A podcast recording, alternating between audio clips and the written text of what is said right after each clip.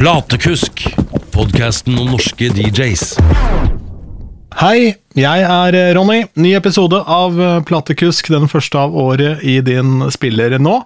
Jeg eh, har i denne ukens episode tatt en telefon og slått på tråden til min gode venn og kollega Bjørn Morgan Johansen, som holder til i Drammen. Og må jo først si at uh, Bjørn Morgan dukka opp i livet mitt gjennom en kjent våpendrager som heter Kim Carlsen, som jeg har hatt veldig mye med å gjøre de siste årene. Jeg har ved siden av å spille selv også da booket uh, DJs for et sted i Lillestrøm som heter Barcode. Uh, og Bjørn Morgan er en av de som har spilt der, anbefalt av Kim. Uh, meget dyktig DJ, nå også bookingansvarlig for Sett i Drammen, Giga nattklubb i Drammen. Og en av de som foretok seg mest i løpet av pandemien, sånn i sosiale medier, var og spilte på fjelltopper, gjorde en del sånne brunsjer osv. Så Disse tingene her skal vi komme inn på. Og vi skal ikke minst dykke ned i Bjørn Morgans bankende hjerte for dette med musikk og passion for musikk. Så det er nøkkelordene for denne episoden. Nyt i fulle drag. Vær så god. Det har jo blitt en slags vane å ha litt sånn schizofrene gjester her. Forrige gang så var det jo da Vikram Rai, som da både er DJ Prince og Piffy Hunters. Og denne gangen så er det ikke bare én, og ikke bare to, men hele tre personligheter, sånn rent musikalsk, som skjuler seg i gjesten Bjørn Morgan Johansen. Velkommen til Platekusk. Tusen hjertelig takk. Hvor skal vi begynne? Kan du ikke begynne med hvor interessen for musikk kom, for den er jo helt åpenbart stor hos deg? Jo, det kan jeg godt. Da jeg var barn, så var jeg ikke sånn veldig overstadig opptatt av musikk, men jeg husker, har noen minner av at da jeg var sånn ja, sju-åtte år, så hørte min bror mye på Jean-Michel Jarre og Yellow.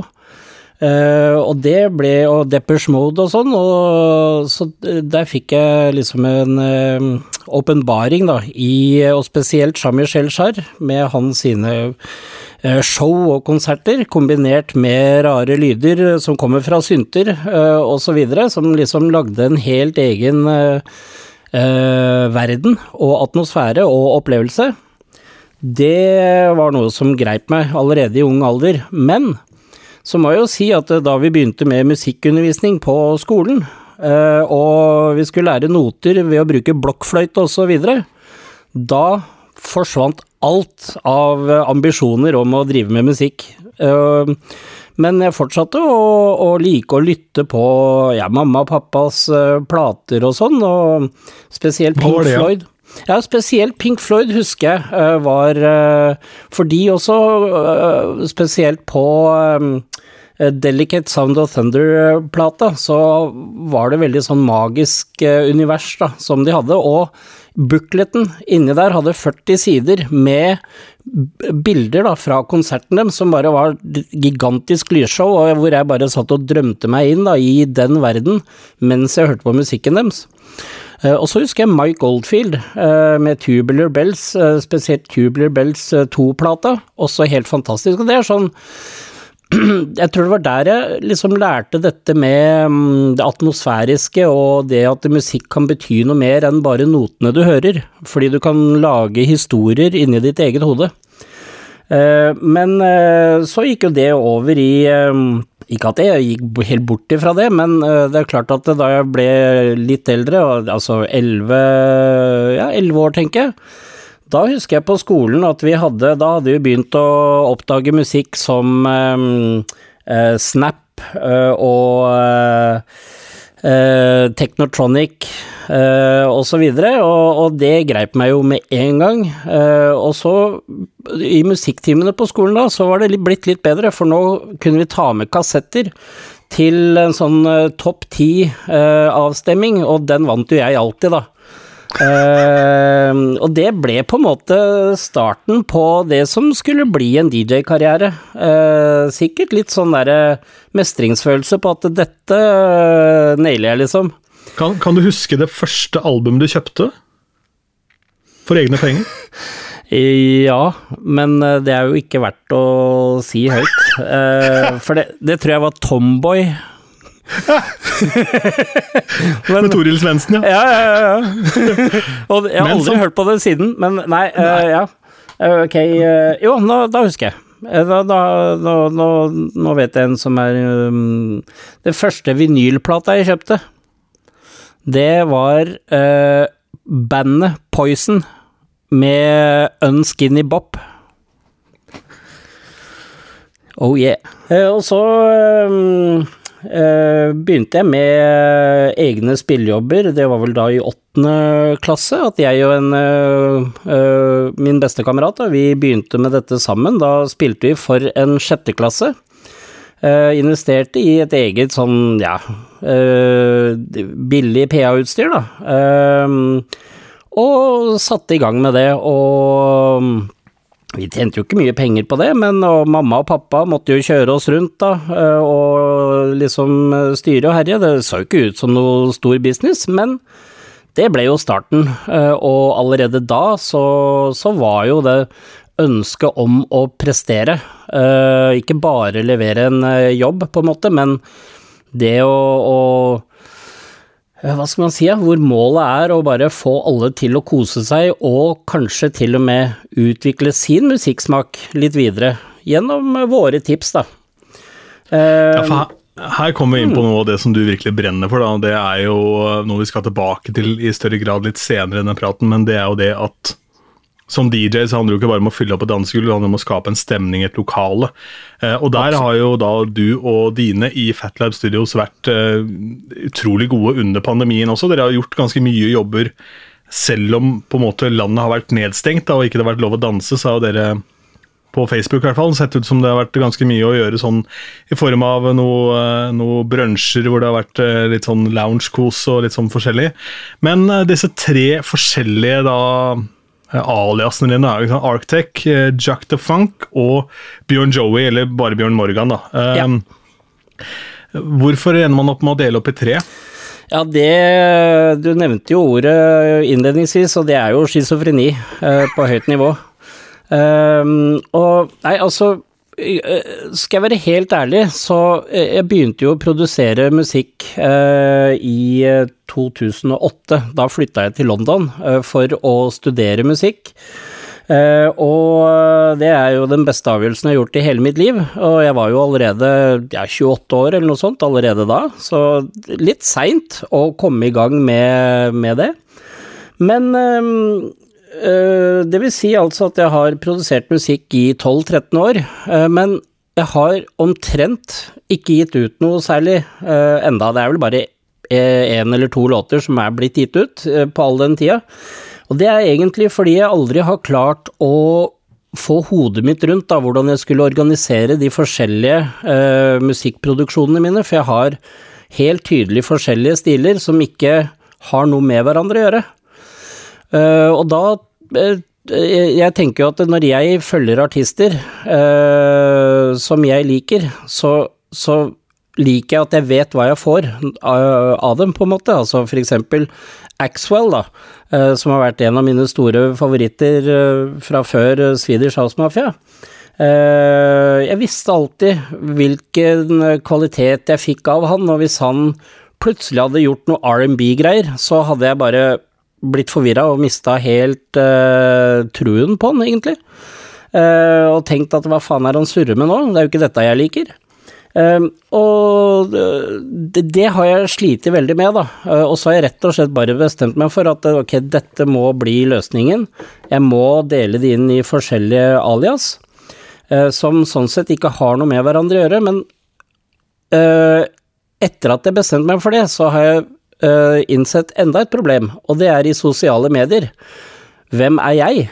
Uh, når jeg legger ut bilder, altså når jeg er på spillejobber, hvem er jeg? Og så er det litt sånn, ok, denne spillejobben, da er det uh, Jacques Dufonk, da, som uh, som jo er litt sånn disko, funky, lounge, uh, Kommer til å legge ut, legge ut linker til alle Soundclouder og litt av hvert sånn i, i kommentarer, eller altså rett under podkasten her. Ja, det er kult. Eh, og så, eh, eller er det eh, som Bjørn Morgan, som da er en mer kommersiell klubb-DJ, da, hvor alt handler om å få folk til å danse, ikke bare nikke på hodet og, og gynge med til funken, på en måte. Så da måtte jeg Det var enda en ny prosess, da, hvor jeg måtte bestemme meg for hvordan løser jeg dette i forhold til eh, sosiale medier. Og nå har jeg bare bestemt meg for at eh, jeg personlig er eh, Bjørn Morgan, og eh, de jobbene jeg liker aller best å gjøre, det er jo de klubbjobbene hvor det handler om å få folk til å danse. Eh, Sånn at i sosiale medier så skal jeg fronte Bjørn Morgan med eh, min person. Eh, Mens eh, Jacques Dufunk og Arctic, eh, det kommer til å frontes gjennom aliaser som ikke er knytta opp mot mm, min privatperson, da. Men det er, det, er sånn mye rart man kan rote med i hodet sitt, da. Før man bare må ja, bestemme seg for å slutte å tenke. Bare bestem deg, gjør det sånn eller gjør det sånn, men gjør det.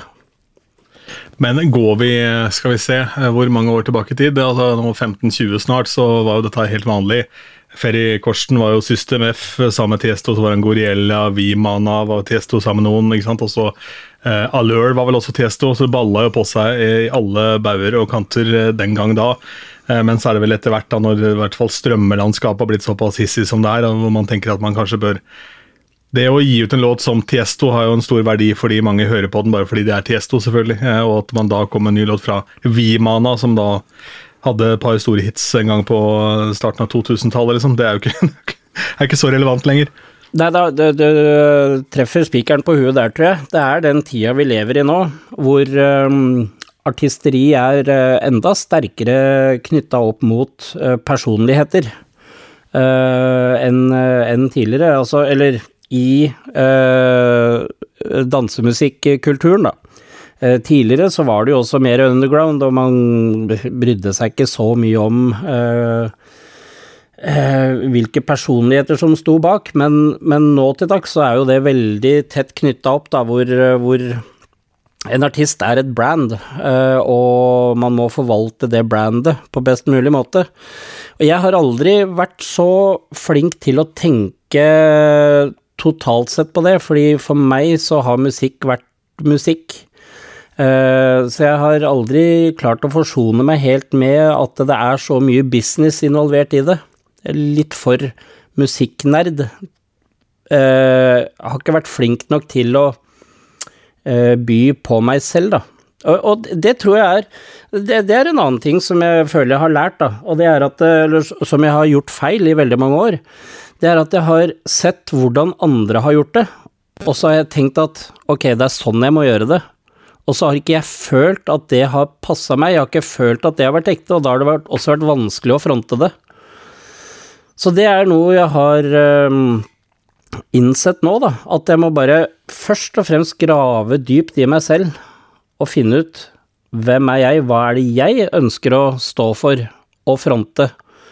Fordi når du føler at det er du selv som har gjort det valget, og at du byr på deg selv, så føles det ekte, og da er det så mye lettere å eh, eie det. Dette er jo essensen i eh, det som er både fordelen og ulempen med å være DJ, da. Eh, og det er fordelen og ulempen med å være DJ med hele deg, fordi dette er jo da det er en sjukdom, kan du si. Eh, og det er en helt legendarisk radiosjef. Eh, han var sjef for Clear Channel da de kjøpte opp samtlige kanaler mer eller mindre i hele USA, som heter Randy Michaels, som da sier det at han blir ofte invitert til, eh, til colleger og høyskoler og sånn for å snakke om hvordan de kan komme inn i, inn i broadcasting, da, og da liksom bare brøler han opp i trynet på alle som er der. Altså, jeg sier, Hvorfor i helvete skal dere det? Altså, Hvis dere er dyktige nok til å lykkes i denne bransjen, så kan dere lykkes hvor som helst. Dere kan til og med tjene penger, dere kan ha et normalt liv. Altså, For faen, ikke gjør dette. Og så ror han he helt ned. Jeg skal legge ut faktisk et lydklipp av det også på Instagram. Eh, ror han helt ned og sier men hvis du som meg, så kommer du aldri liksom langt nok. Du klarer ikke å komme deg bort fra det på et vis. da. For du, bare, du må bare må gjøre det. og det, Jeg kjenner på det derre Faktisk litt flau nå i dag, fordi eh, i går så hørte jeg da en eh, Det var noe sånn Trans Lillehammer-opplegg som da la ut en, en, eh, en post på DJ-kollektivet, hvor eh, DJ eh, Roger E da hadde på miksa en god gammel trans-mix. Da Da fikk jeg så jævlig los og overtenning at jeg bare hoppa inn i det, og så bare endte jeg opp med å bare lage sånn rett fra toppen av huet eh, en miks med bare noen gode gamle klassikere. Ikke det samme som Roger hadde, bare finne noen andre. Og så sendte jeg den bare inn, da. Sånn smekka sammen på en time. Hadde ikke hørt gjennom låtene, hadde ikke spilt mange av de på sikkert 10-15 år. ikke sant? Og så hører jeg det back nå, og så bare Å ja, litt sånn ut av phrasing her, alt er bare kaos. Noenlunde Kira det meste, men, men det var bare den der intense energien at å, fy faen, de sangene her må jeg bare spille nå. Mm. og den følelsen, da, selv om jeg ikke er sånn dritstolt av den miksen nå, kjenner jeg, når den eh, ble posta i dag Jeg hadde kanskje tenkt at jeg skulle gjøre den på nytt, men så tenker jeg det spiller ingen rolle, for låtene er der, og de, de trykker på de knappene, da, eh, og det er jo kanskje det aller viktigste. Og hvordan er det man skal kanalisere det der, eh, og kanskje legge vekk den tanken om eh, all den der businessen og alle de tingene man skulle vært bedre på der, da, og samtidig da ikke bli helt konkurs? ja, det, er jo et uh, godt spørsmål. Um, for min del så har jo jeg valgt å innrette livet mitt da, etter at Eh, etter det at jeg har satt et mål, og det er at jeg vil jobbe med dette og utvikle dette. Eh, hvordan ikke gå konkurs i mellomtiden. Eh, jeg, altså min løsning på det har jo vært å gjøre jobber som du får godt betalt for, ved siden av Eh, de jobbene som du selv har tro på, for de får du ofte mindre betalt for, eller mindre igjen for, uh, i starten. Da. Eh, ja, i kroner og øre i hvert fall. Ja, i kroner og øre. Og det er jo kroner og øre man må ha til å betale regninger.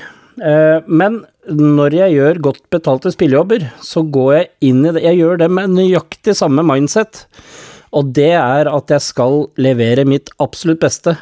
Selv om jeg må spille ABBA og Billie Jean og altså hitparade, så eh, legger jeg inn de samme uh, verdiene da, uh, og visjonene som om det var Og forberedelsen, ikke minst. Ja, absolutt. Men, og, og, det å bare Altså, en ting jeg gjør da når jeg er på spillejobb, det er at jeg, jeg, har, jeg går inn i en boble. Jeg, jeg har ikke tid til å prate med noen.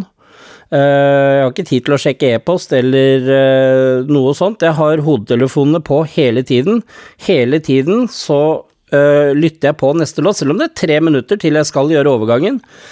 Så bare øver jeg på en måte da, på å gjøre meg kjent med ok, hva er det som kommer nå, og hvordan skal jeg loope det, hvordan skal jeg liksom sånn og sånn, hvordan kommer jeg til å skulle filtrere det, eller EQ videre. Um, og, og, bare det å pushe seg selv da, til å bare ønske å imponere hele tiden, det er uh, veldig, veldig verdifullt. Og jeg tror at det er sånt som blir lagt merke til, da. Sånn at når du gjør uh, godt betalte spillejobber, som da er altså type eventjobber eller uh, sånne ting, så blir det lagt merke til at du engasjerer deg så mye, og det blir satt pris på, og dermed tenker også folk at han er verdt de penga. Uh, og så har jeg en god opplevelse, fordi selv om jeg har spilt musikk som jeg var drittlei for 20 år siden allerede, uh, så har jeg en god følelse fordi jeg har gjort det på min måte. Sånn at det, det handler ikke bare om hvilke låter Altså, det handler ikke om låt for låt for låt for låt. Det handler om hvilken setting eller blanding du klarer, da, å levere det ut av høyttalerne. Og det har veldig mye å si. Ja, for det er, det er, noe av det som er aller mest fascinerende å DJ-e. Ja, kanskje særlig da de siste fem årene, når på en måte kontrollere og den teknikken tok over i stor grad, og hvor det å være DJ ikke handla om å klare å putte to sanger i samme tempo oppå hverandre, men hvor det handla om liksom, hva kan jeg gjøre ut av disse låtene, hvilke deler av sangene spiller jeg, hvor looper jeg, altså alle disse tingene her. da så kan jo da faktisk jeg og du eh, og to-tre andre DJ-er gjøre akkurat den samme jobben og ha akkurat den samme i Gåstein settlista, men det er kanskje rekkefølgen og det er da måten vi velger å gjøre det på. Eh, og det er hvor vi dropper akkurat den låta. Eh, hvor man tenker at her holder det bare med a. Alle de tingene der da, Absolutt. som gjør at det settet kan oppleves totalt forskjellig Altså, Vi kunne hatt de samme 50 låtene og gjort den samme festen eh, fem år på rad, fem forskjellige DJs, og så hadde det vært fem vidt forskjellige opplevelser. Absolutt, det er helt riktig. Og jeg har øh, delt øh, mesteparten av mitt DJ-liv øh, sammen med to kollegaer og, og bestekompiser, hvor vi tre drev og spilte ikke sammen, da, men samtidig, men på forskjellige steder øh, rundt omkring i byen, og liksom øh, alltid sparra mot hverandre. og i en sånn intern konkurranse da, om hvem som var flinkest. Men, og det klarte vi aldri å komme til bunns i, hvem som var flinkest. Fordi han ene var superstødig, han andre var litt mer eh, trigger-happy og liksom eh, party, keep it moving, liksom, og bare pumpe på. Um, mens jeg eh, turte å ta litt eh, dypere sangvalg eh, og litt mer ukjente ting, og blande det inn mellom alt det kjente osv. Så videre, sånn at vi hadde bare tre forskjellige kvaliteter, selv om vi hadde Vi delte jo musikkbibliotek, så vi hadde jo de samme låtene, men energien og stemninga og, og alt det der, vidt forskjellig. Og det, er, og det er et tegn da på at man uh, som DJ har en verdi. Uh, det at man uh, tilfører noe av sin egen personlighet, sin egen visjon og, og kunnskap og erfaring og teknikk og alt det der. Og det er veldig viktig for meg å, å prate varmt om. Det at som DJ så bør man ha sånne type ambisjoner.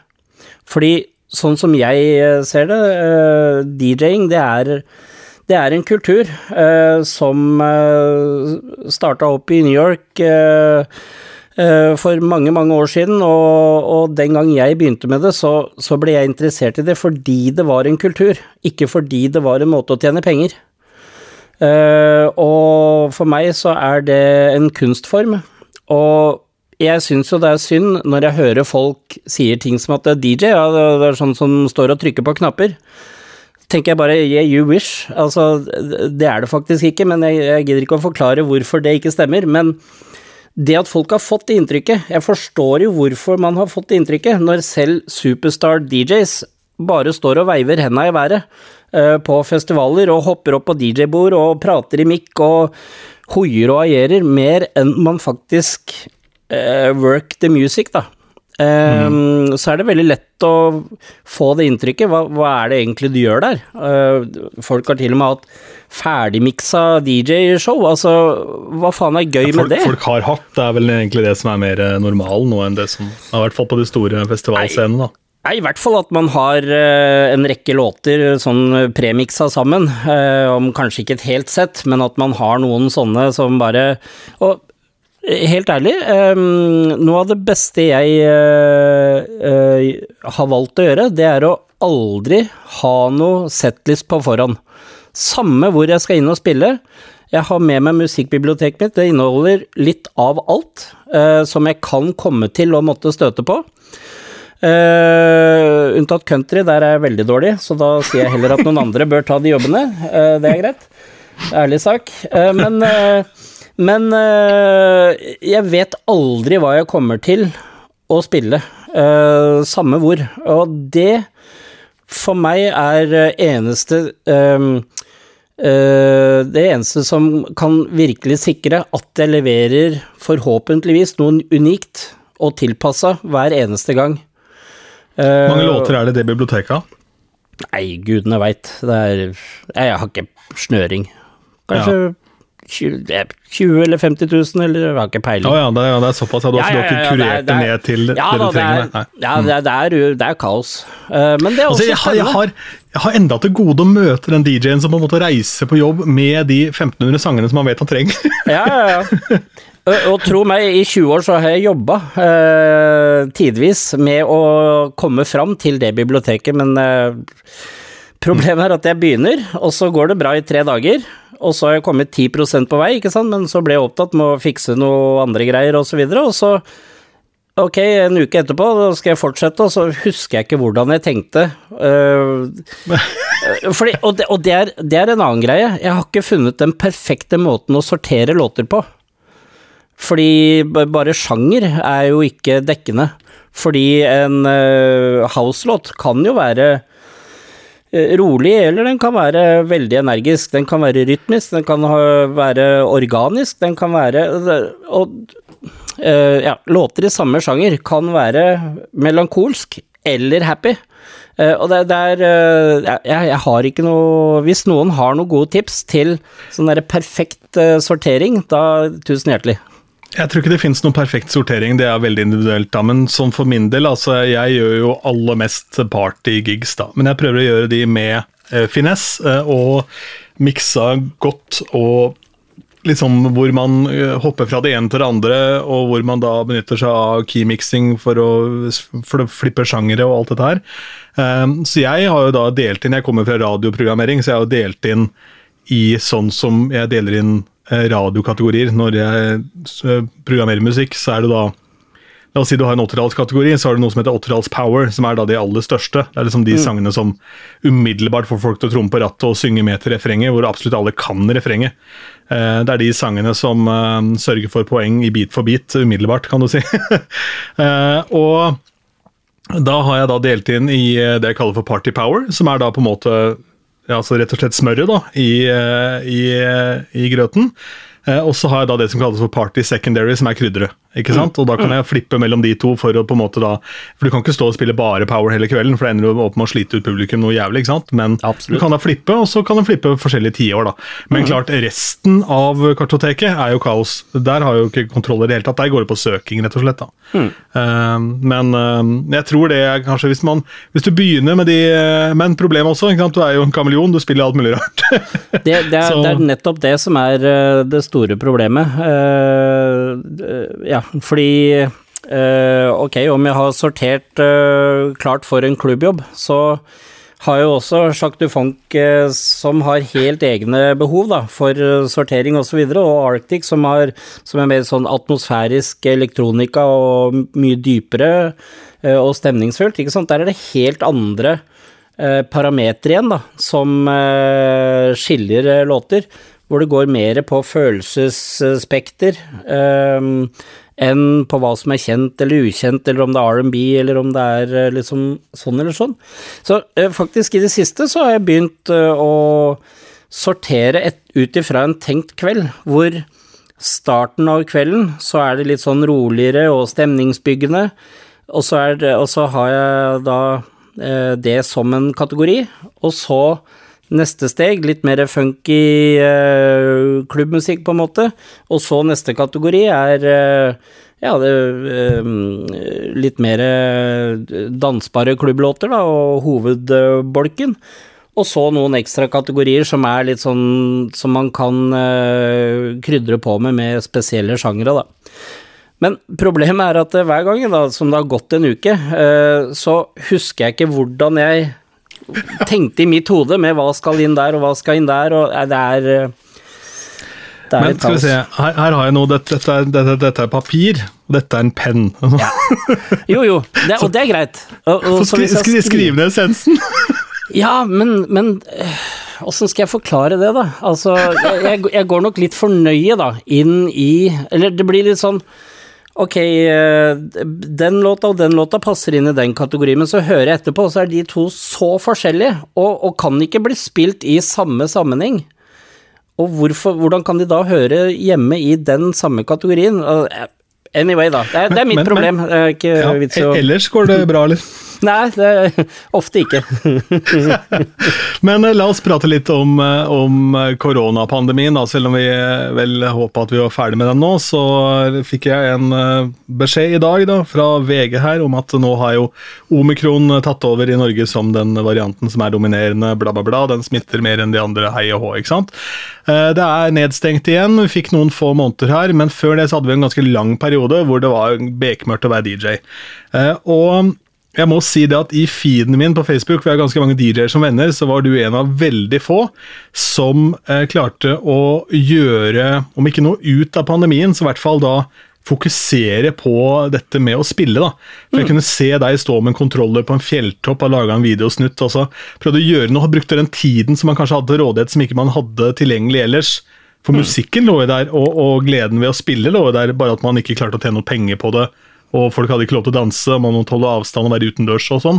Men hvordan, eh, hvordan ender du opp med å tenke i hodet ditt da, gjennom arbeidet med Fatlab Studios og, og de tingene som dere gjør i Drammen? Hvordan klarte du å tenke at eh, la oss eh, bruke denne muligheten til å kanskje gi noe glede i livet til folk, da? Kontra at man da For dette er jo noe veldig mange artister har gjort, sånn som eh, Sophie Baxter, som hadde da sånne eh, kjøkkenkonserter hvor hele familien var med, hvor eh, mannen spilte på noen instrumenter, hun sang, eh, og barna kora. sant, Gjorde en greie ut av det. Men Dette er jo noe artister har drevet veldig mye med, mens vi DJ, i hvert fall i Norge, har vært litt dårlige på det, må være lov å si. da. Altså, ehm, når noe sånt skjer, eh, og det må jeg bare si at når vi nå stengte ned igjen på nytt nå i desember, så merker jeg at jeg, jeg får bekrefta den eh, eh, tanken jeg hadde om at når landet stenger ned, så blir jeg en dårligere person. Eh, fordi jeg mister eh, identiteten min fordi jeg blir arbeidsledig. Eh, og jeg eh, kan Jeg får ikke I don't get my fix, da. Eh, så Og da eh, miste fokus og, og, og alt sånt. Eh, så eh, basically, da, når, det, når vi stengte ned i, eh, i 2020, mars, eh, så er det jo Det umiddelbare er jo ok, nå forsvant alle spillejobber. Eh, jeg tjener bare penger på å gjøre spillejobber. Hvordan skal jeg overleve nå?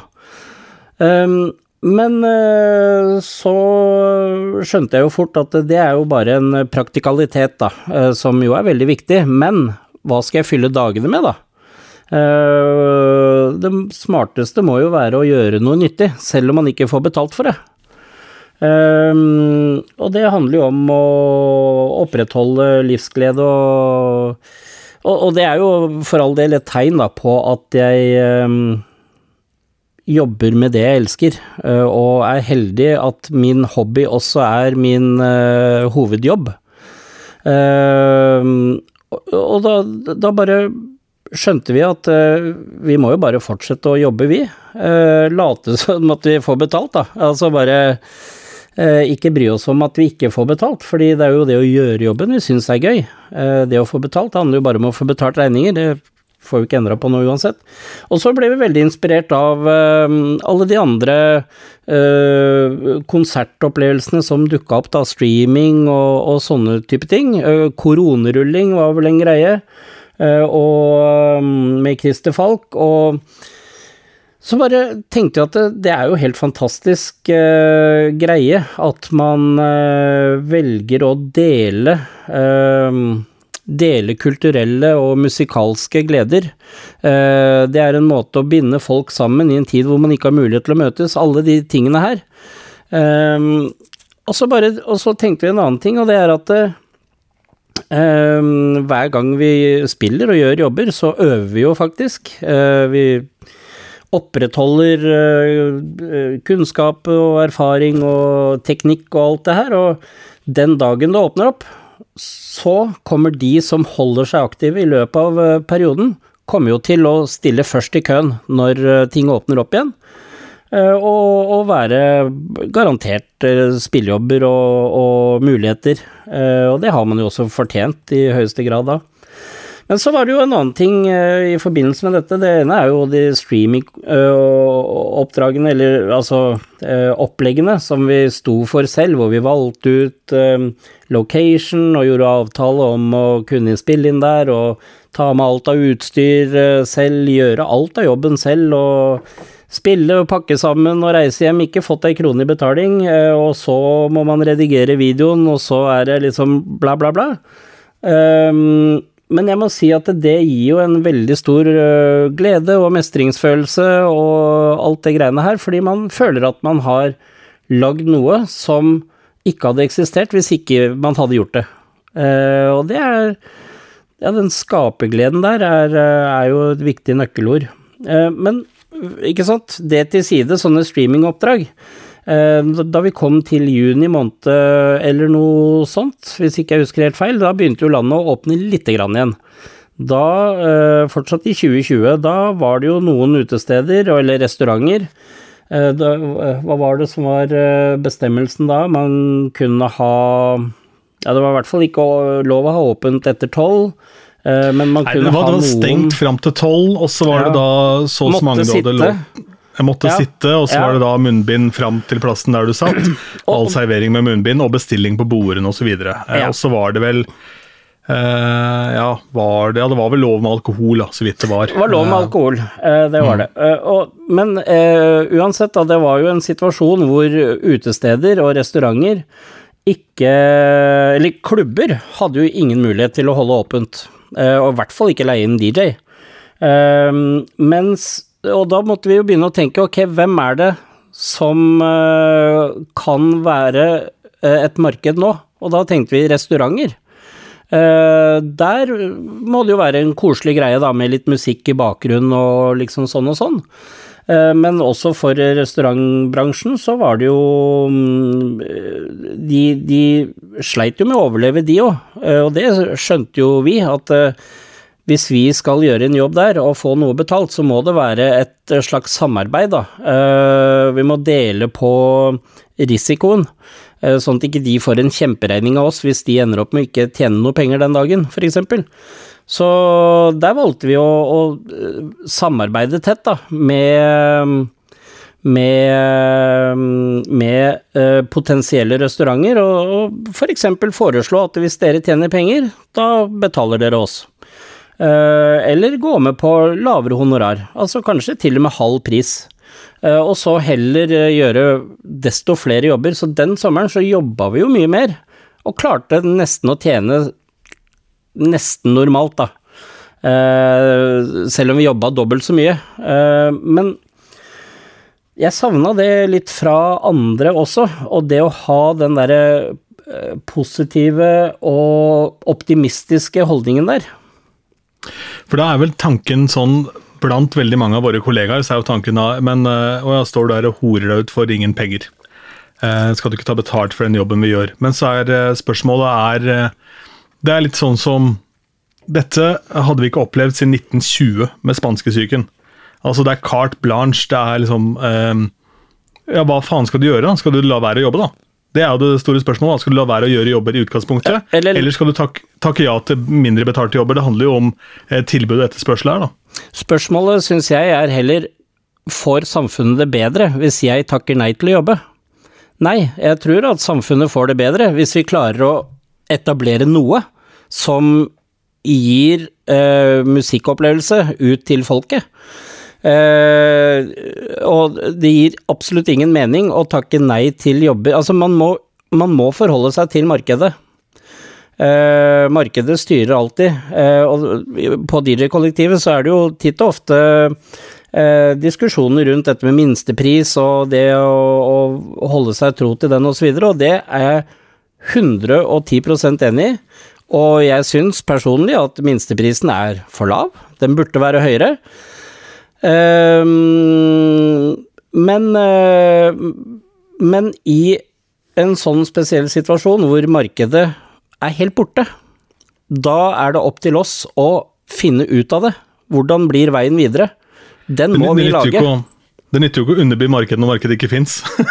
Nei, det er akkurat det. Og, og eh, altså, det var jo helt andre, det var jo helt andre typer spillesteder som, eh, som vi spilte mye på, enn det vi normalt sett hadde spilt på.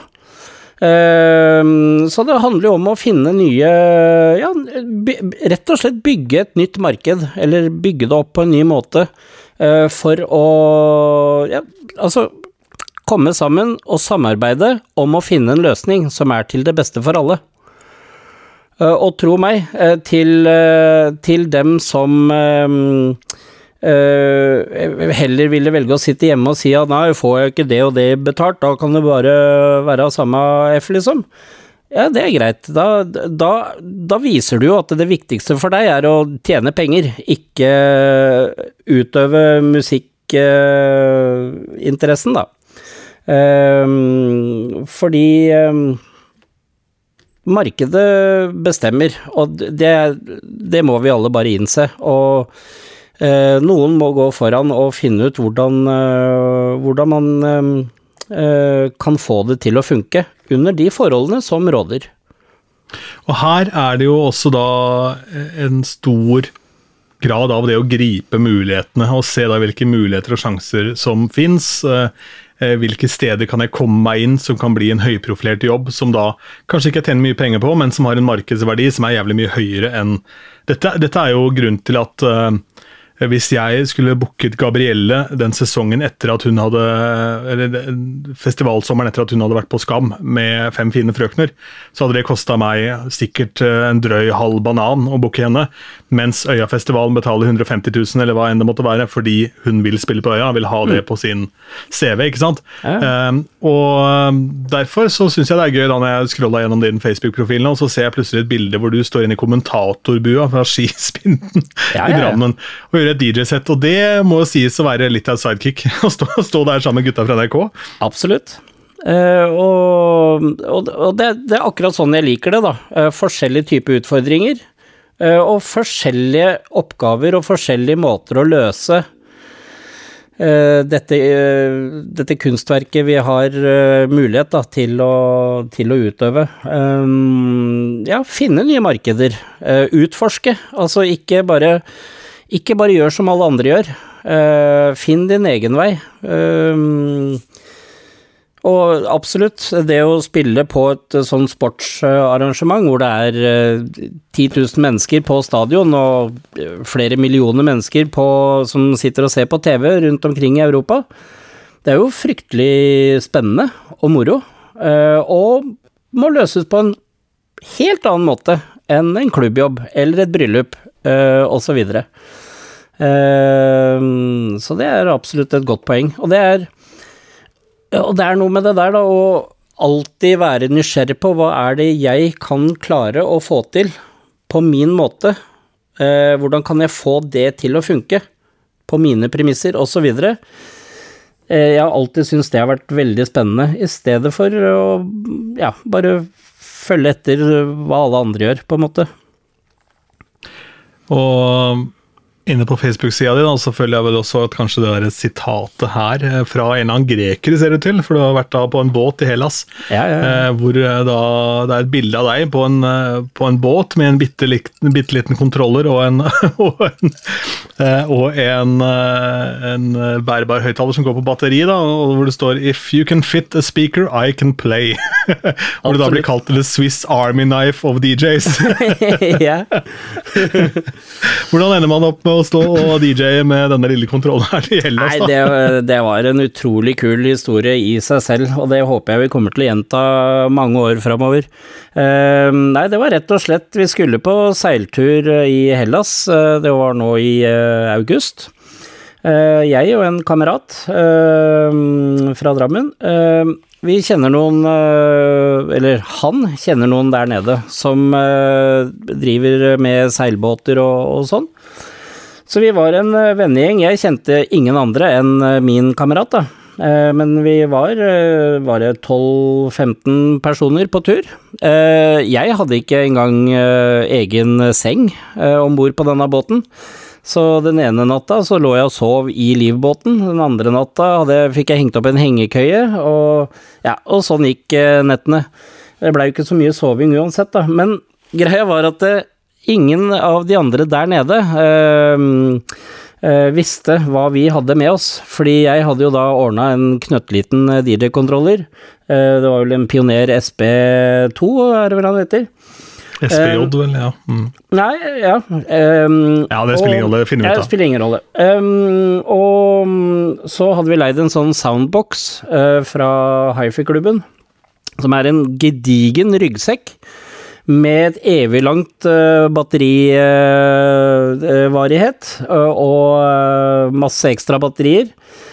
Og den spiller faktisk ganske heftig, altså. ja, det er jævlig høy lyd på det. ja, det er, det er, faktisk det. Så um, jeg husker når vi dro fram det da, første kvelden, og alle bare Hva faen er det som skjer nå? Og så blir det bare det kjempepartyet på båten. Eh, og eh, det var eh, Jeg var vel andre natta. Eh, men så et par netter senere, basert på denne erfaringen da, og hvor fett de syns det var eh, Han som eh, var skipperen om bord på båten, han samarbeider jo med mange andre skippere eh, der nede. Så de organiserte sånn at det var kanskje fem eller ti båter som skulle treffes i en bukt.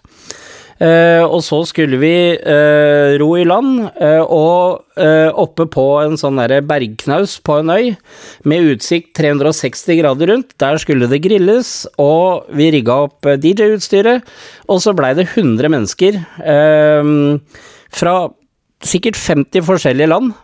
Eh, og tilbakemeldingene etterpå var bare Det er beste DJ-en vi noensinne har hørt, fordi man, jeg klarte da å liksom fange alle aldre, alle nasjonaliteter, ikke sant, uh, uh, gjennom forskjellige typer musikkvalg, og måten man blander det sammen på, og bare den opplevelsen der, hvor ingenting er planlagt, men du er bare ready to go da, når det trengs, og når muligheten byr seg. Uh, det var en helt, helt fantastisk eh, opplevelse, eh, som ja, er supergøy. Det er jo sånne ting som man husker av resten av livet. Å stå på den båten og ende opp på den knausen der. fordi ingen Ja, ja. forventer jo at det skal skje heller. Ingen, altså her er det ikke noe strøm, det er ingenting. altså Teknologien nå surrer og går voldsomt eh, fort framover. Da. Så det, Ja, ja. mer av det, altså. Ja, ja, nei, så vi hadde med et lite aggregat. Vi hadde jo ikke noe lys eller noe sånt. Vi hadde noen sånne lightsticks, var det noen som eh, hadde tatt med, da. Eh, og så hadde vi en drone eh, som fløy over og, og blinka et slags strobelys eh, fra drona, da, eh, opp i himmelen. Det var helt Neste år, utrolig gøy. neste år så får du gi beskjed hvis det blir tur igjen. Skal du få, få sendt med deg en, en liten gjeng med mine Ape Labs-kanner, som har eh, 16 timer batterilevetid. Så Kult. Det skal jeg ta deg på ordet på. Ja, faen. Men, vi må snakke om en ting til eh, som også skjedde i pandemien, sånn på tampen da, eh, da ting åpna opp igjen der. Det var jo denne Northern Lights Tour, eh, som er jo en av de tingene som vi nordmenn kan være med aller mest stolt av sånn i forhold til utlandet. og Det er jo nordlyset, som er noe av det mest unike du kan oppleve i livet. Eh, og hvordan ender man opp med den tanken hvor man da tar nordlyset som fenomen, lager et lysshow, et danseshow og musikk sammen i denne settingen her? eh, For dette var noe som skjedde på tampen av 2020. Ja, um, så dette her eh, er jo da etter at vi var gjennom den sommeren da, hvor, eh, hvor vi gjorde disse spillejobbene på restauranter og, og, og sånt. Og det, det må jeg også bare legge til da, at det, det var en vanskelig periode uh, å gjøre spillejobber, fordi uh, for meg så er det så viktig uh, med tydelige tilbakemeldinger og energi fra publikum.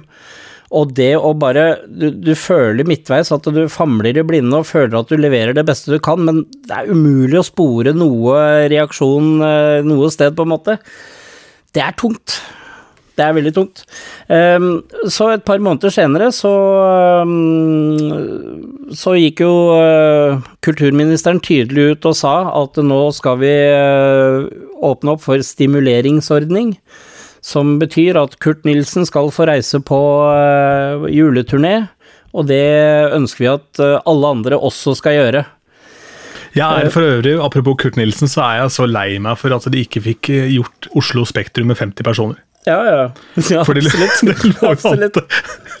Fordi Dagny gjorde Sentrum Scene med 20, eh, og det tror jeg vel er den største kontrasten jeg har vært borti. Ja, ja, ja. Men tenk deg Kurt med 50 pers i Spektrum. Altså, For et magisk øyeblikk å ha vært der. Ja, ja, absolutt. Ja, det, er jo, det, det er jo helt ko-ko, men uh, verden er jo ko-ko nå.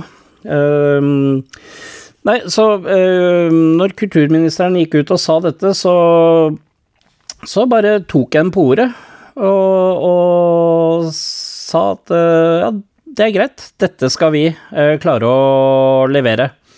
Eh, fordi da må du ta, en, ta på deg en arrangørrolle, og så må du tenke opp i hodet ditt hva konseptet skal være, og hva, alt hva, hva som trengs. Og du må leie inn det som trengs, og gjøre avtaler og make everything happen. Det som jo er heldig, da, i mitt tilfelle, og litt, litt sånn deilig, etter, la oss si, 15 år, da, med musikkproduksjon, eh, schizofreni, masse ulansert musikk i forskjellige stiler, med forskjellige stemningsleier osv. Endelig fikk jeg bruk for all den historien min, og all den erfaringen som jeg har bygd opp over tid, men ikke fått uh, begynne å kapitalisere på. Um, så plutselig så er det bare Nå er muligheten her. Alle ideene har jeg jo hatt i 20 år, så det er ikke noe problem. Eh, musikken har vi, eh, så nå må vi bare og, og, og da skjønte jeg jo Dilemmaet var jo at det vi pleier å gjøre, er jo å få folk til å danse. Det er én ting som ikke er lov nå, det er å få folk til å danse. Så da tenkte jeg da må vi snu 100% på det. Nå må vi gi en opplevelse som gjør at folk lener seg bakover i stolen og koser seg og får så mange sanseinntrykk at de blir plassert inn i vår verden, eller sin egen verden, basert på hva de opplever fra oss. Og alt dette her er jo inspirert av Jean-Michel Jarre for 30 år siden.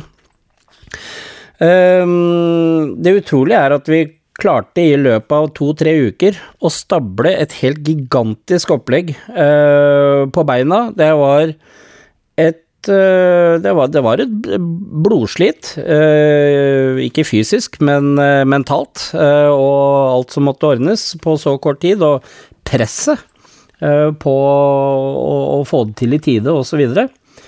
Men vi klarte det. Jeg er utrolig stolt av det. dessverre så så øh, var jo litt samme opplevelsen der. Det med å spille for nesten tomme saler. Det er veldig rar opplevelse, altså. Det er øh, Men de som øh, var blant de heldige, som fikk komme og oppleve det vi leverte, de ble jo heldigvis utrolig imponerte. Og faktisk var det en kar i 50-60-åra som kom opp etterpå og sa at dette er det beste han har opplevd siden Tangerine Dream. Og da da, da snakker vi en som har fulgt med lenge uh, på den verden der. Så, så, det var jo absolutt et godt uh, skussmål. Ja, det, Den er deilig å få fra en sånn, en sånn, en sånn gammel storhet også, som, da, ja, som ja, ja. har full kontroll på denne skjermen. Men det må jeg jo bare si, da, at alt dette her skjer jo fordi øh, vi hadde en optimistisk og positiv tilnærming til hva gjør man når livet ditt stopper. Ja, da må du jo finne ut hva du skal gjøre fremover. Uh, da må, du, da må du finne på noe nytt, da. Og derfor klarer ikke jeg den dag i dag da å være bare negativ til koronapandemien, fordi det har gjort at jeg selv har måttet eh, endevende mange ting inni mitt eget hode, og snu om på hvordan jeg tenker på ting. Jeg husker i starten, når ingen var ute, fordi alle var hjemme og hadde karantene, eller eh, altså, man skulle ikke gå ut. Og da, jeg husker det var en sånn der deilig ro som bare eh, Altså fravær av stress som jeg aldri har opplevd. Fordi jeg har vært hjemme og slappa av uh, tidligere, jeg. Men da har du et stress om at uh, når jeg ikke jobber, andre er ute og jobber, nå taper jeg terreng, da, i forhold til andre. Men plutselig så var alle hjemme og slappa av. Samtidig. Og da var det liksom Nå er det helt lov å bare slappe av og spille spill og tenne stearinlys og bare være til. Eh, veldig interessant eh, erfaring. Hvis man, hvis man eh, klarer å holde eh, den optimistiske og Altså, hvis man klarer å se mulighetene, da, i problemet. Ja, det er det, da. Fordi man da har plutselig en eh, ja, et spillebrett som ser helt ulikt ut noe man noen gang har vært borti, så da må man på en måte finne andre måter å spille spillet på. Da. Ja, eh, og der må jeg si du har vært god, da. Så lærdommen, kanskje essensen og lærdommen her er vel eh, grip muligheten, da. Absolutt. Eh, let etter muligheten, ikke bare ikke bare hold deg til det du er vant til. Uh, utfordre deg selv, utfordre skjebnen, om du vil. Tør å Såpass? Ja, ja, ja. Tør å ta noen sjanser. Det verste som skjer, er at det ikke går. Ja, da gjør du noe annet, da. Ja, det er, ja, det er nettopp det. Eh, og der er vi veldig heldige, for vi bor i et land hvor vi faktisk har råd til å være, være en del av en pandemi, og det er jo helt absurd å tenke på. Eh, om ikke vi var født med skjølskje oppi rumpa fra før, så er vi i hvert fall det nå om dagen. Absolutt. For eh, jeg nev nevnte Hellas, de tippa vel utenfor kanten før dette, eh, og Mm. uten turister, så ja, det blir spennende å se hvordan verden ser ut når vi er på andre sida, som vi får banke i bordet og håpe at vi snart er, da. Før vi eh, legger på røret her og takker for eh, inspirerende og god prat, Bjørn Morgan, så må vi ta noen faste poster. Um, vi har jo Hall of Fame, som er en greie som jeg pleier å forberede folk på på forhånd. Det har jeg selvfølgelig glemt med deg, men det ville jeg hatt Tusen hjertelig. ja, ja, ja, ja. Alt er som det pleier. Eh, men du sier jo du liker å ta ting på sparket, så da får vi gjøre det ja, ja, også. Neida, jeg vil ha to låter som Og nå, eh, for å gå ut av schizofrenien, så vil jeg da ha Bjørn Morgans to låter som på en måte alltid er bankers, som er sanger du kan gå til, eh, som setter fyr på et dansegulv, da. Ja.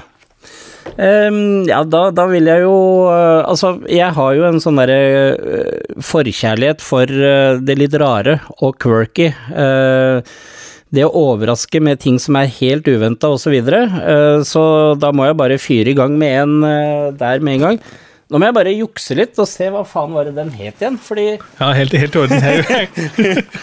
Fordi eh, det er jo sånn eh, DJ-hjernen min fungerer. Når folk spør meg om ja, hva favoritt eller, eller liksom ja, Si en eh, kul låt som vi kan sette på, så bare Ja, men jeg må ha biblioteket mitt foran meg, for jeg husker ikke hva ting heter. Jeg må, jeg må Det- se det. Det der er det verste i hele verden. Kan ikke Ja, du bare brålage en sånn liten playlist? Ja, men Ja, da blir det jobb, da. Da må jeg tenke, da. Det er akkurat det. Eh, skal vi se nå eh, Ok, jeg kan jo starte med den andre først, da, som er mer klubbrelatert. Um, den er ikke helt ny, den er jo kanskje to år gammel eller noe sånt. Eh, Men eh, ja, hver gang jeg spiller den, så flipper det helt. Eh, Og det er CID, eller SID, med Work. W-E-R-K. Den er et godt tips. Ehm, og så skal vi se da om vi finner denne andre. Det er Mahala Rai Banda med Mahala Geaska. Er det rart nok for deg, eller? Ja, det er veldig rart. Eh, Det Dette må du sende meg etterpå, så jeg må Ja, lagt inn en link her. Ja, dette her er rett og slett en litt sånn gypsy eh, jazz, uh, og det bare Det svinger som faen, og som regel så henger folk seg på. Uh, uansett hvor jeg spiller denne. Ok, og så kommer da den tredje låta. Eh, Nå har jo du i og for seg valsa rundt i landskapet her allerede, men da har du lokka publikum. Du har de, ikke sant? de sitter der de skal sitte. Ja. Og så kan du da fyre opp et eller annet som er eh, helt utafor boksen. Eh, hva er det du gønner på da? Ja, det, da, da ville jeg jo sagt den derre rare der, da. Mahal Geaska. Ja, nettopp, ja. Ikke sant? Ja, ja. for, fordi den, den er sånn når, når, du, når du har det Når de stoler på deg, og du setter på den Altså, det høres jo klin rart ut uh, til å begynne med, uh, men så bare fanger den opp og bare Ja, uh, hva skal jeg si, da? Det er en sånn Du skiller deg ut, da, hvis du tør å spille noe sånn som det. Eh, Men, men da, da utfordrer jeg deg på en kommersiell låt. da. Vil jeg ha en kommerslåt eh, som, eh, som er en del av de to første der. Nei, altså eh, eh, Den som Den som eh, brenner aller mest eh, nå om dagen, eller rett før vi stengte ned, det er eh, nye versjonen av Titanium med Dave Guetta og Morten. Den eh, Altså, det tar så sinnssykt av, det. Eh, hver eneste gang med den. Herlig. Det er kommers. ja, det er kommers. jeg skal få for den, skal få for den. Men, men kan, kan, jeg bare si at det burde ha svart på det første albumet Fordi det, det er den som har hatt mest betydning, egentlig, og som jeg liksom i ettertid tenker at det var en sånn definerende øyeblikk i det som skulle bli min eh, karriere, da. Eh, Det er eh, Maxmix volum 10. eh, Hvor det var en sånn megamix som starta med Snap, med The Power, og så var det en megamix med ja, 15-20. Eh, altså Technotronic var inne der, og, og, det var ti minutter med bare pur magi. Eh, den husker jeg hadde med på den her topp ti-konkurransen eh, i klassen, og blant annet da, som vanlig, selvfølgelig vant. Ja. Jeg hadde, hadde, en lignende opplevelse med en svensk samleplate som var eh, det var to plater. Den ene var da miksa, og den andre var umiksa. og Den het Dancefloor. Mm. Eh, og Dancefloor eh, 2 tror jeg det var som broderen hadde kjøpt i Sverige, på Svinesund, mens han kjøpte noe basskasse med noe Earthquake til bilen yeah. sin. Og noe greier. Eh, og da husker jeg de, den der, så var det bare et eller annet med at det rett og slett hadde jeg starta med Culture Club, med Anything, mm. og så lurer jeg på om neste sang var Ace of Base med Design. Det gir mm. jo ingen mening, for det er jo tempoforskjell fra helvete. Ja, ja, ja. Men den skal jeg gå tilbake og finne, den, for den, eh, jeg tror jeg kjøpte den på Discogs. Mm. Eh, så nå inspirerte jeg meg til å høre på den igjen. Ja, så bra. fra gammelt av. Men det er et par sånne gamle, fordi da var det så få eh, så få i hvert fall kommersielle sånne type mikser. Du hørte mm. disse trans-miksene og tekno-ting og, og, house og sånn, men det var så få sånne hyperkommersielle DJ-mikser. Mm. Absolutt, og jeg må jo også gi en uh, stor honnør til uh, Abstract og Strange Fruit på P3. Uh, jeg husker at jeg tok opp alle programmene som jeg hørte på, på kassett, og det de, de, de, har vært så fundamentale i Fordi det var akkurat på den tida, da snakker vi jo 95-96, eh, hvor jeg begynte å De fikk meg til å oppdage Deep House, rett og slett, da. Eh, allerede den gang, og Abstract eh, og Strange med sine måter å bare mikse briljant og lidenskapelig er fantastisk. Jeg husker Klubbkvart fra år 2000 med DJ Per og Per Åsmundsvåg. For mm. en skive! Mm. Godt av banen, den var fett. Ja, ja. Absolutt. Ja, og etter at landet åpna opp igjen, dog for en kort periode, da, så tok det også over bookinga på et av de største utestedene på Østlandet, nemlig Superklubben Sett i Drammen, som er ja, Hvor mange er det plass til der? 600-700 pers? Eh, ja, det vil jeg tro stemmer. Eh, tidligere, tidligere, så var det jo over to etasjer, eh, mens nå har de gjort om konseptet litt. Nå, Førsteetasjen er jo blitt bygd om til å være en ren restaurant. Uh, Gir mening det etter den perioden vi har vært igjennom? ja, absolutt. Uh, men jeg tror det gir mening på flere måter, egentlig. fordi tidligere så har det jo vært en uh, gigantisk klubb med fire DJ-er samla i ett lokale, eller i ett bygg, da. Og det Tidvis så har jeg opplevd at det har vært litt sånn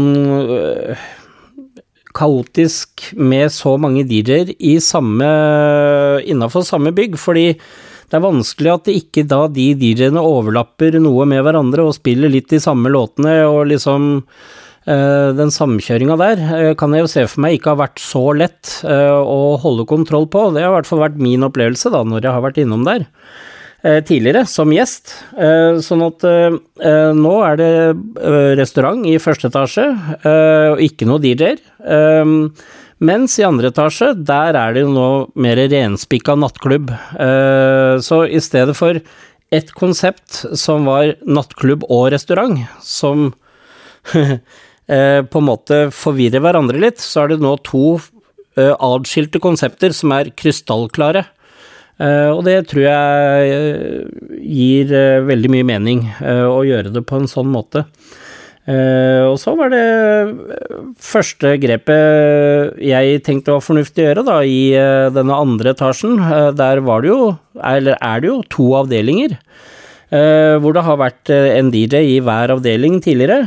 men der syns jeg det har vært mye mer fornuftig å bare kjøre én DJ som spiller for begge avdelingene.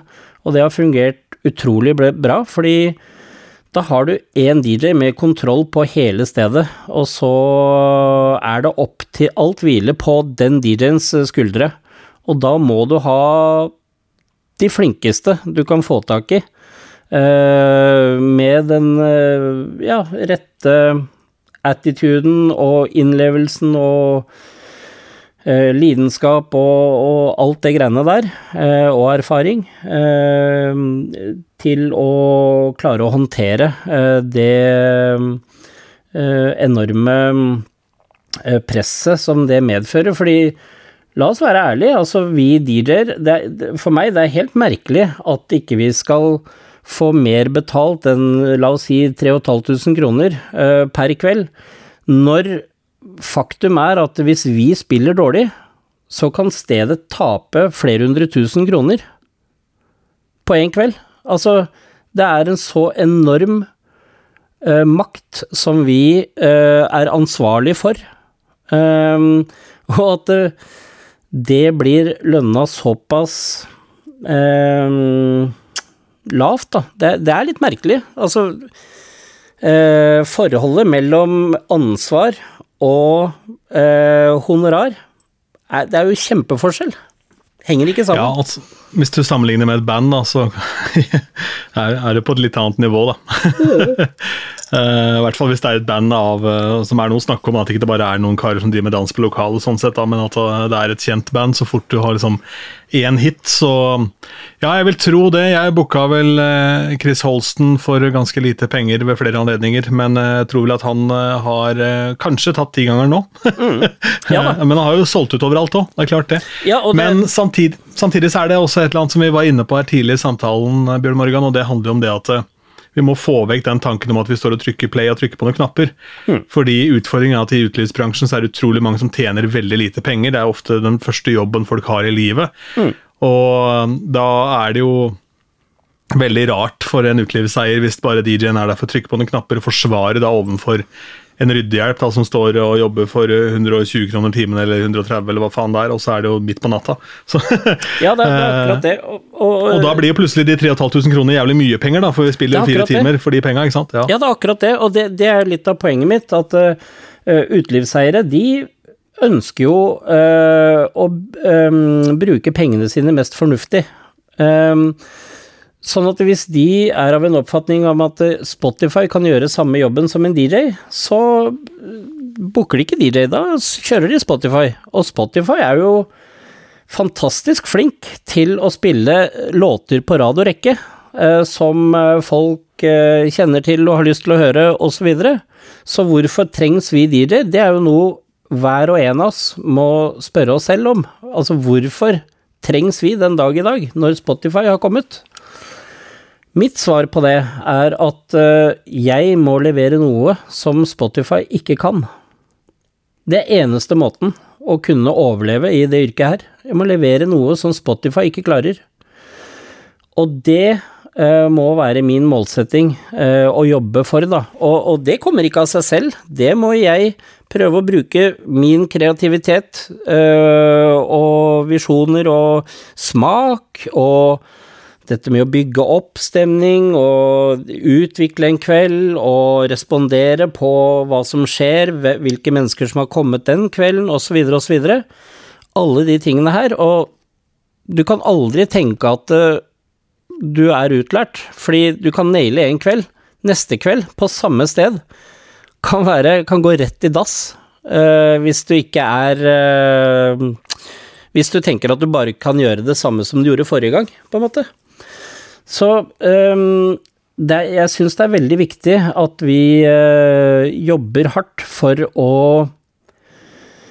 uh, gi mest mulig uh, Altså influence, hva er det på norsk? innhold, da. Fra oss selv.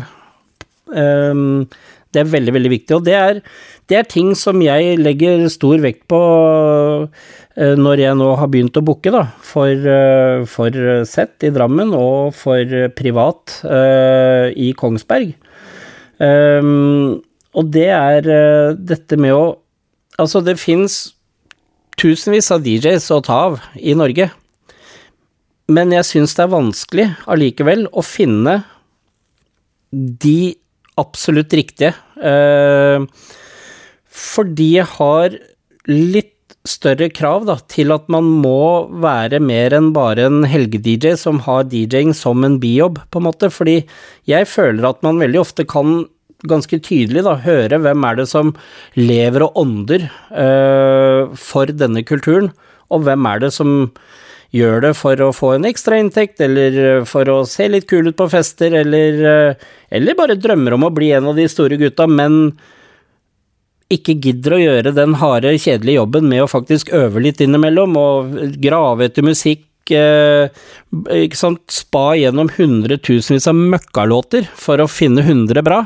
Ja, sette Q-punkter og Ja. analysere key og energinivå og gud faen veit hva. Absolutt, absolutt. Eh, Og, og det, det er en eh, Så det er en Jeg vil kalle det at det er en uh, slags A-liga og en B-liga uh, når det kommer til DJ-er. Eh, og, og forskjellen går på der, da. Hvem er det som gjør det av lidenskap, og som gjør det selv om det noen dager er litt kjedelig å gjøre det, så bare do it allikevel, liksom, fordi det er, det er eh, kunsten din, det er Ja, og så videre. Eh, og det er de som eh, jeg eh, er på jakt etter å booke. Ikke bare den som tilfeldig Sånn at når jeg ser folk legger ut på DJ-kollektivet ja, vi trenger en DJ i kveld, er det noen som er ledig?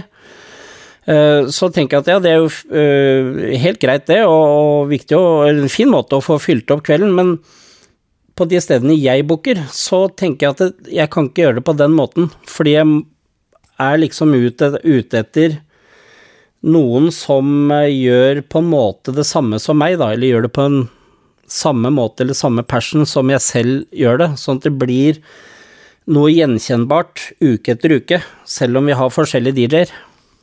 Og hvis du nå har hørt denne samtalen og tenker det er denne mannen her, han snakker mitt språk, så um, hvor tar jeg kontakt? Ja, da er det jo bare å sende en Facebook-forespørsel er jo det letteste. Eh, og det er Bjørn Morgan Johansen eh, på Facebook. Um, eller så går det an å sende en mail til bjorn at eh, fatlab.no med ph. Eh, ja. Det er vel enkelt nok, begge de mulighetene der. Og, og, Absolutt. og eh, kan jeg bare si det også, at det, før jeg booker noen, så liker jeg å prate sammen og bli litt kjent først. Uh, fordi og, og jeg liker å møte nye mennesker i bransjen. Jeg, jeg er ikke så glad i å, å liksom gå på fester, f.eks. for eksempel ja, eller, og, og, og så møte masse random DJs som Altså, det er, det er så mange da som slenger ut at ja, jeg er DJ, og jeg var, jeg var DJ før, og liksom øh, og, og sånn og sånn, og det, det er jo hyggelig å møte sånne mennesker òg, men, men poenget er at jeg setter veldig pris på de som er virkelig faglig øh, interessert da, i DJ-kulturen. Eh, ikke bare det å stå på scenen og veive henda i været. Så mm, eh, ta gjerne kontakt, eh, så kommer vi til å ha noen hyggelige samtaler, og så finner vi veien videre ut fra det. Da vil jeg takke for tida di, og så skal du få en sjanse til slutt her, og en mulighet da til å skryte uhemma av nettopp Fatlab Studios, for midt i Drammen så ligger det da ganske fete lokaler med smekka fullt av deilig studioutstyr eh, og eh, kompetanse. Hva er det dere holder på med hvis jeg er kunde, trenger hjelp til noe, hvis jeg er DJ i starten av min karriere og trenger litt veiled veiledning, altså hva enn det måtte være. altså Hva, hva er det dere i Fatlab Studios Hvem er dere, hva er det dere kan bidra med? Ja, eh, da må jeg jo innrømme igjen da at eh, vi er litt sære. eh, Og, Og nå ble jeg overraska! og om vi ikke har sagt det nok allerede, så, så er vi ikke her for å tjene penger. Fatlab Studios er jo noe vi har tilgjengelig til rådighet for oss selv til å lage vår egen musikk.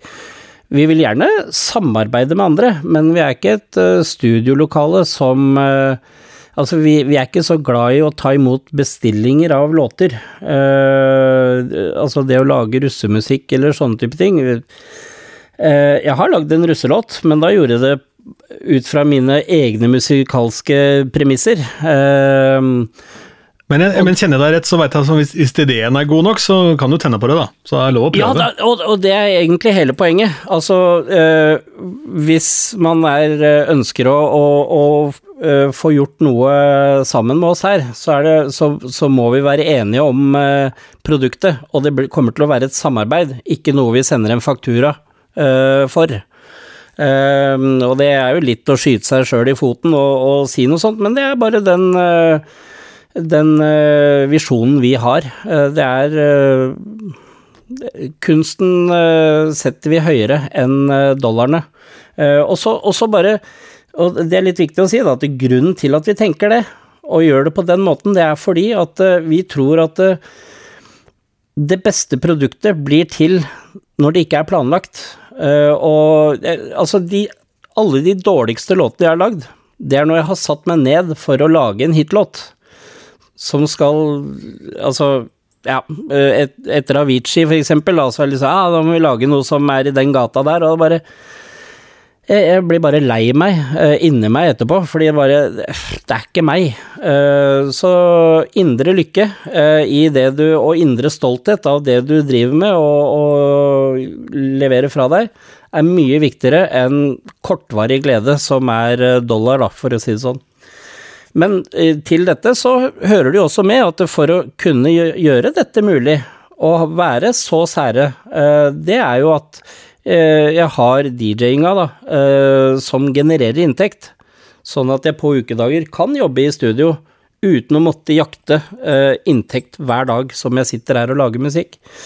Resultatet av det er jo at vi har jo en kjempestor katalog med ferdige og nesten ferdige låter som, eh, som ligger klart da, til å bli gitt ut. Og i disse dager så holder vi på å etablere et eget plateselskap for å eh, starte eh, på den eh, veien der. Og så får vi jo se. Eh, som dere sikkert har skjønt allerede, så er jeg jo dypt eh, ned en eh, særing. Eh, også i musikkstil. Eh, eh, så når, når jeg lager låter, så vet jeg at det er mye av det som er litt rart. Og det skiller seg litt ut. Og kanskje er det ikke noe marked for det. Og det blir veldig spennende å finne ut når jeg allikevel gir det ut. Eh, selv om jeg ikke er sikker på om det fins et marked for det. Så får markedet bestemme, men her er greia, eh, som jeg tenker, at om jeg kan ha ti fans som er ekte fans, så er det faktisk mer verdt enn 1000 følgere som egentlig ikke bryr seg noe særlig. Eh, og hvis jeg liker musikken, så er det i den store verden fins sikkert noen som også syns at det er ganske ålreit, eh, selv om det kanskje ikke er mange i Norge, for eksempel, da, eh, som, som liker det. Vi får se, det blir spennende. Men det er Fatlab Studios. Rart og deilig. Du har hørt Platekusk, podkasten om norske DJs.